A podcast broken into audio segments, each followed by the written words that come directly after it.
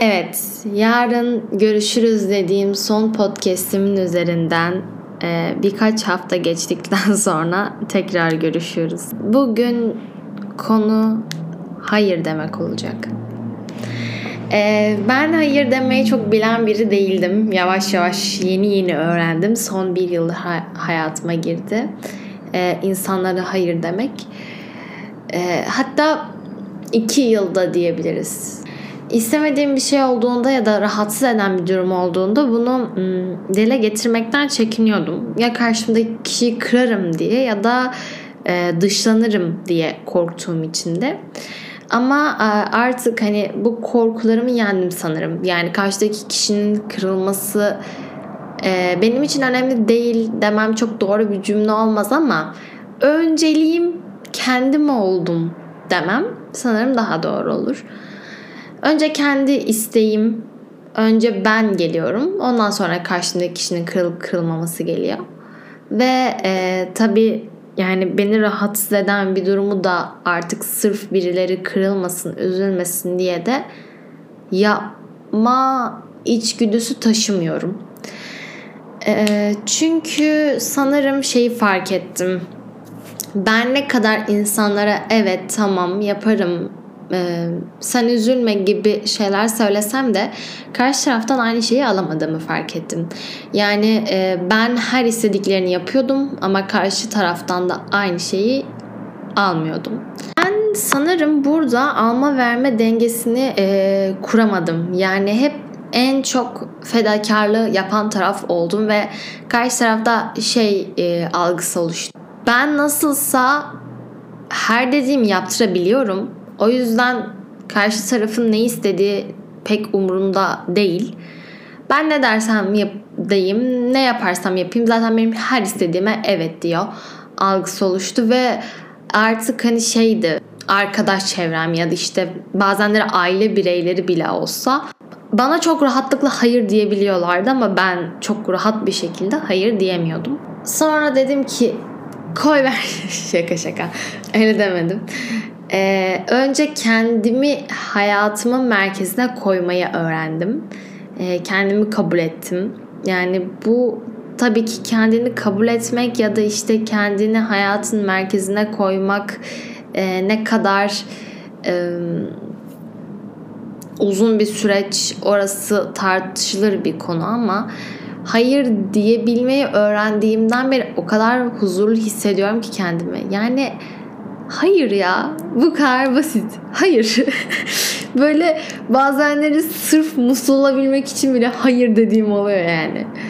Ee, bu yüzden hayatınıza bir an önce getirmeniz gereken şeylerden birisi hayır kelimesi. İstemiyorsanız hayır deyin. O an e, modunuz yerinde değilse hayır deyin. Yani bir şeyi kabul etmek kadar kabul etmemek de doğal. Ve bunun sonucunda karşı tarafın size işte trip atması, uzak durması, sizi dışlaması, e, ya da size çok değiştin, sen böyle değildin falan gibi cümleler kurması sizin probleminiz değil tamamen karşı tarafın problemi. Çünkü aslında orada e, tabii ki siz de değişiyorsunuz ama bu olumlu yönde değişim oluyor ama karşı taraf için olumsuz. Çünkü e, burada elindeki kuklasını kaybetti ve bunu kaybetmek ona koydu. Bu e, öfkeyle de her şeyi yapabilir ve karşınızdakinin aslında gerçek yüzünü gördüğünüz o nokta olur. Yani karşınızdaki sizi sadece e, her şeyi kabul ettiğiniz için mi yanında tutuyor yoksa sizi siz olduğunuz için mi yanında tutuyor bunu görmüş olursunuz. Eğer ki zaten istemediğiniz bir şeye hayır dediğinizde size trip atan bir çevreniz veya işte sizi dışlayan insanlar varsa etrafınızda o insanları bence hayatınızdan çıkartmanız gerekiyor. Çünkü yani onların dediği her şeyi yapmak zorunda değilsiniz. İstediği her şeyi yapmak zorunda değilsiniz. Bu hayat sizin ve e, herkesin bir sınırları, çizgileri vardır. Herkesin isteyebileceği ve isteyemeyeceği şeyler vardır. Bu yüzden sizi dışlarlar diye korkuyorsanız korkmayın. Eğer öyle insanlar da varsa e, çok sevdiğiniz biridir. Ona bu davranışını söylersiniz. Hani ben her şeyi kabul ettiğim zaman senin aramızda hiçbir sıkıntı yok.